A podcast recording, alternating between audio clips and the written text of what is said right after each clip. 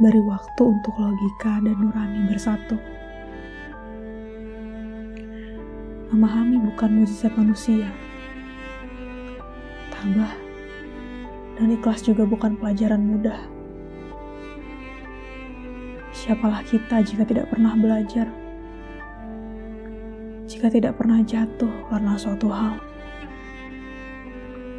kita ditakdirkan untuk tumbuh dan berkembang bersama kesalahan-kesalahan, juga bersama keberanian untuk saling memaafkan.